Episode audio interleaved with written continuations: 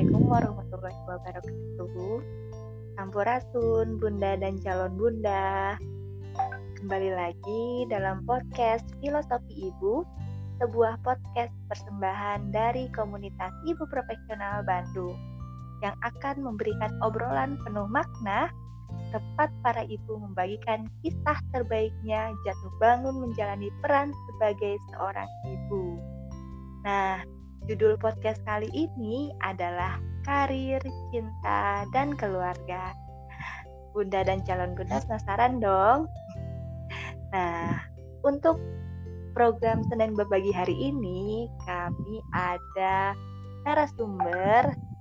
Uh, silahkan kepada Teh Teh siapa dulu nih yang mau mulai? Perkenalkan diri.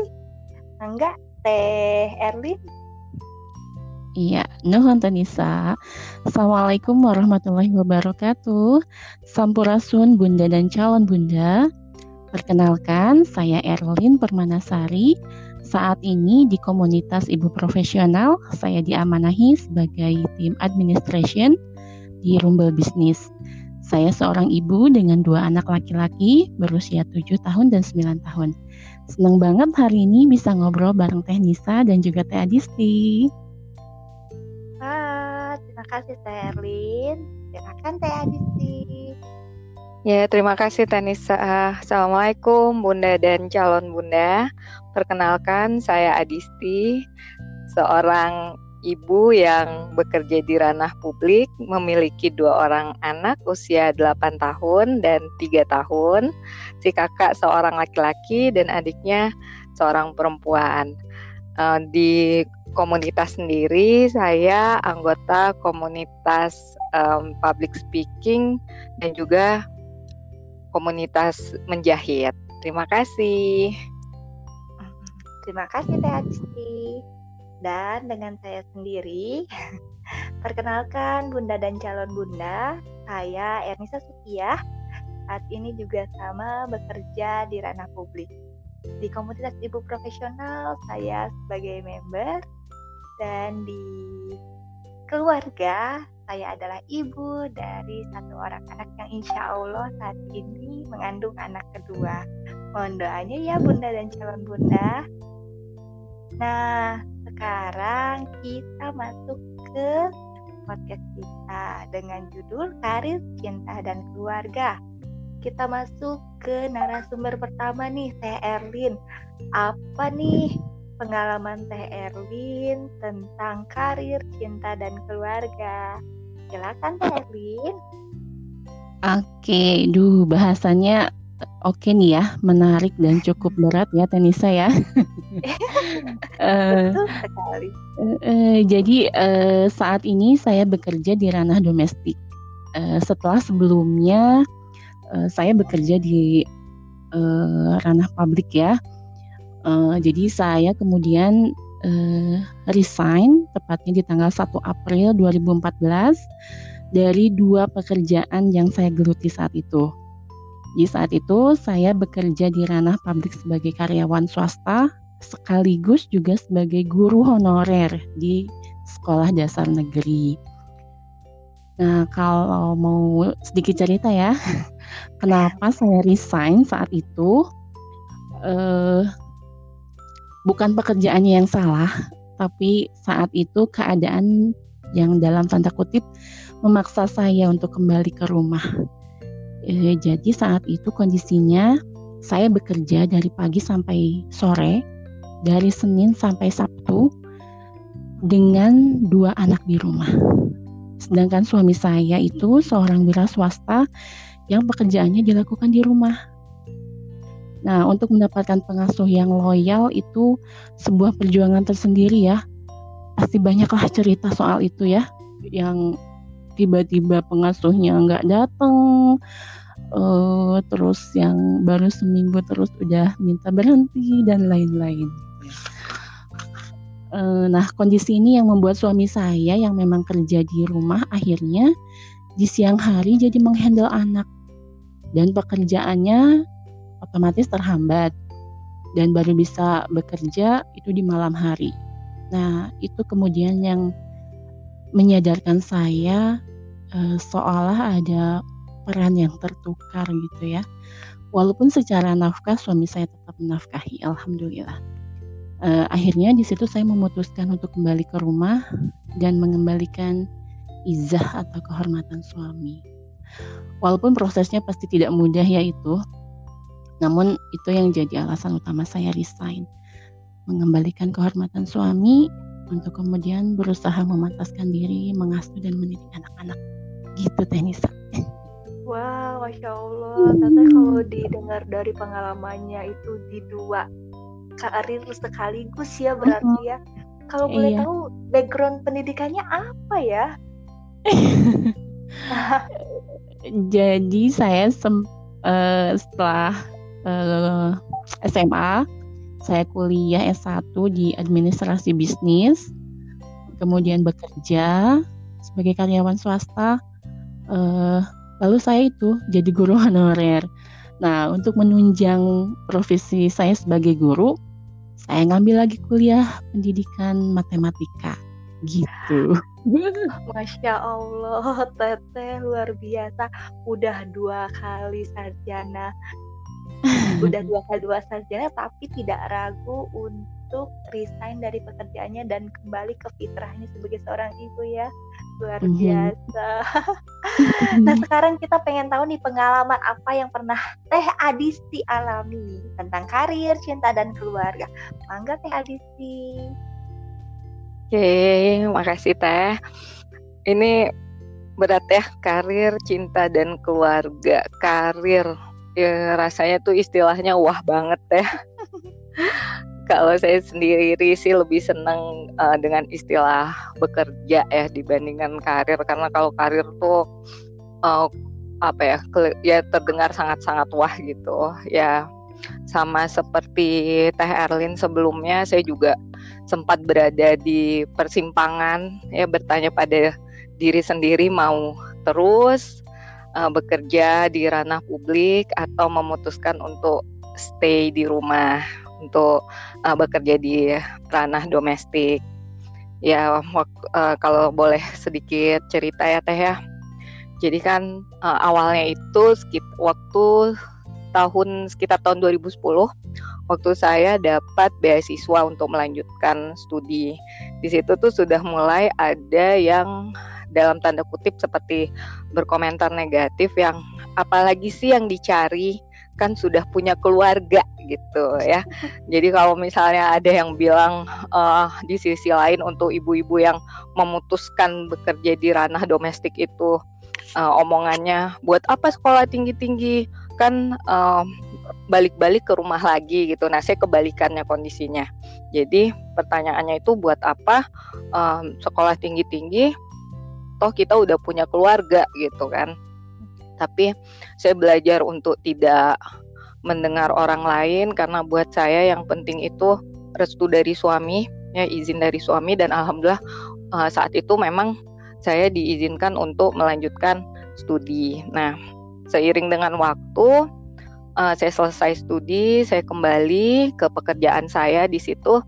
Saya berpikir uh, uh, selesai studi itu saya uh, udah punya baby waktu itu. Nah, saya mulai berpikir ini mau terus atau enggak gitu mau terus bekerja apa enggak kan uh, dan saya juga kebetulan karena beasiswa ada kontrak kalau dihitung itu sekitar empat tahun akhirnya setelah saya mengabdi empat tahun saya merasa oke okay, ini sebenarnya uh, keputusan uh, saatnya saya mengambil keputusan apakah harus terus atau uh, memutuskan untuk resign tapi sebenarnya sebelum di titik empat tahun itu ada sebuah kejadian yang membuat saya sadar bahwa apa yang saya jalani itu passion saya. Apa yang saya jalani uh, dalam hal ini saya mengajar ya, uh, mengajar itu merupakan sebuah uh, self therapy buat saya. Jadi ketika ayah saya wafat, yang membuat uh, saya bisa bangkit kembali itu adalah ketika saya mengajar, ketika saya bertemu mahasiswa saya, berbagi ilmu. Nah, untuk sejenak itu saya bisa melupakan kesedihan saya, kan. Terus uh, pada saat se waktu itu juga saya sempat cuti hamil anak kedua, cuti melahirkan. Dan ternyata hmm, prodi saya menghubungi bertanya uh, masih bersedia nggak untuk membantu prodi. Nah di situlah saya uh, komunikasi dengan suami gimana nih? Uh, mau terus? Karena kontrak saya sebenarnya kontrak beasiswa saya kan udah selesai ya. Mau stay di rumah resign aja atau diterima lagi nih uh, buat balik ngajar. Nah di situ suami nanya kalau memang mau resign boleh, tapi coba pikirkan mau ngapain gitu. Uh, saya udah cukup lama kenal dengan suami sebelum kami menikah, jadi udah tahu nih kalau misalnya saya lagi nggak ada kerjaan tuh gimana galaunya, uh, gimana apa ya, jadi moodnya naik turun nggak jelas gitu. Jadi suami waktu itu pada dasarnya yang memperbolehkan saya buat resign tapi dengan catatan coba pikirkan mau ngapain apa dengan mengurus rumah itu sudah membuat bahagia katanya gitu. Jadi di situ juga saya berpikir oh iya ya uh, terus saya merasa ngajar itu self terapi buat diri saya sendiri terus saya juga merasa oh ternyata prodi saya butuh saya gitu. Jadi saya merasa om alangkah baiknya kalau saya bermanfaat untuk orang lain maka diputuskanlah saya un uh, untuk terus bekerja di ranah publik gitu Tenisa. Masya Allah luar biasa perjuangannya Teh Adisti. Sepertinya kalau dibandingkan Teh Erlin dan Teh Adisti ini sepertinya saya tuh anak kemarin sore. yang pengalamannya tuh masih secuil belum ada apa-apaannya tapi udah galau setengah mati tentang karir apa keluarga ya nah sama halnya dengan Teh Erlin kemudian sama halnya dengan Teh Adisti saya juga eh, saat ini sedang disibukkan sebagai tenaga tenaga pendidik nah saya saat ini eh, sibuk di ranah publik, tepatnya di sekolah luar biasa dengan eh, hambatan anak tunadukung. Nah, saya kan berhubungan eh, saya itu masih punya anak satu. Pada saat saya cuti melahirkan, saya tuh udah galau banget pengen resign. Karena saya berpikir ah ya udah udah punya anak udah aja jadi ibu rumah tangga ngurus anak di rumah. Itu kemudian saya komunikasikan kepada suami saya. Nah suami saya mengobservasi lah waktu uh, ketika saya cuti melahirkan selama tiga bulan ternyata psikologis saya berbeda dengan ketika saya masih bekerja jadi uh, simpulan dari suami saya, saya lebih baik bekerja. Bekerja bukan dalam bukan karena untuk menyibukkan diri atau biar nggak stres, tapi lebih kepada uh, pekerjaan saya ini adalah pekerjaan yang mulia, dibutuhkan anak didik, kemudian uh, jarang sekali ada orang semuda saya masih bertahan di sekolah luar biasa kemudian juga sekolah luar biasa ini eh, aktualisasi saya, aktualisasi diri saya. Ngapa? Karena memang sistem pembelajaran di sekolah luar biasa eh, secara kurikulum adalah vokasional atau keterampilan yang sesuai dengan passion saya. Jadi eh, suami saya sampai kepada kesimpulan bahwa nggak apa-apa bekerja. Saya percaya istri saya bisa memenuhi tanggung jawab saya dan men, men, memenuhi tanggung jawab di rumah dan di sekolah. Seperti itu. Tapi saya kemudian berpikir lagi ini baru anak pertama gimana kalau udah punya anak kedua ketiga misalnya. Pasti kan akan lebih disibukkan dengan tanggung jawab di rumah apalagi fitrahnya seorang wanita adalah seorang menjadi seorang ibu yang baik di rumah. Namun ketika saya berpikir kembali, ternyata eh, di dunia pendidikan adalah dunia yang sangat terbuka ilmunya tentang parenting. Nah, kemudian saya berpikir kembali, saya masih kuliah S1. Kemudian eh, ternyata kuliah S1 itu tidak cukup untuk memantaskan diri saya menjadi seorang ibu Nah, begitu saya semakin mendalami, semakin lama di dunia pendidikan ternyata banyak sekali ilmu parenting di sini. Jadi saya berpikir, wah bekerja juga adalah momen belajar saya untuk memantaskan saya menjadi seorang ibu. Ditambah lagi uh, anak saya yang luar biasa soleh dan support dari orang tua kami yang mau membantu kami mendidik anak di rumah selagi kami bekerja. Jadi karir, cinta dan keluarga berjalan seirama deh. Itu eh pengalaman saya. Masya Allah. Masya Allah ya. Oh, Padahal saya baru ada kemarin sore malu nggak punya pengalaman yang luar biasa Teh Arlin dan Teh Adisti, tapi galaunya udah setengah mati. nah sekarang kan udah luar biasa ini ya karir kita udah ngomongin karir, cinta dan keluarga. Sekarang kita mau denger deh closing statement nih dari Teh Erlin dan Teh Adisti. Mangga Teh Erlin dan Teh Adisti. Siapa nih?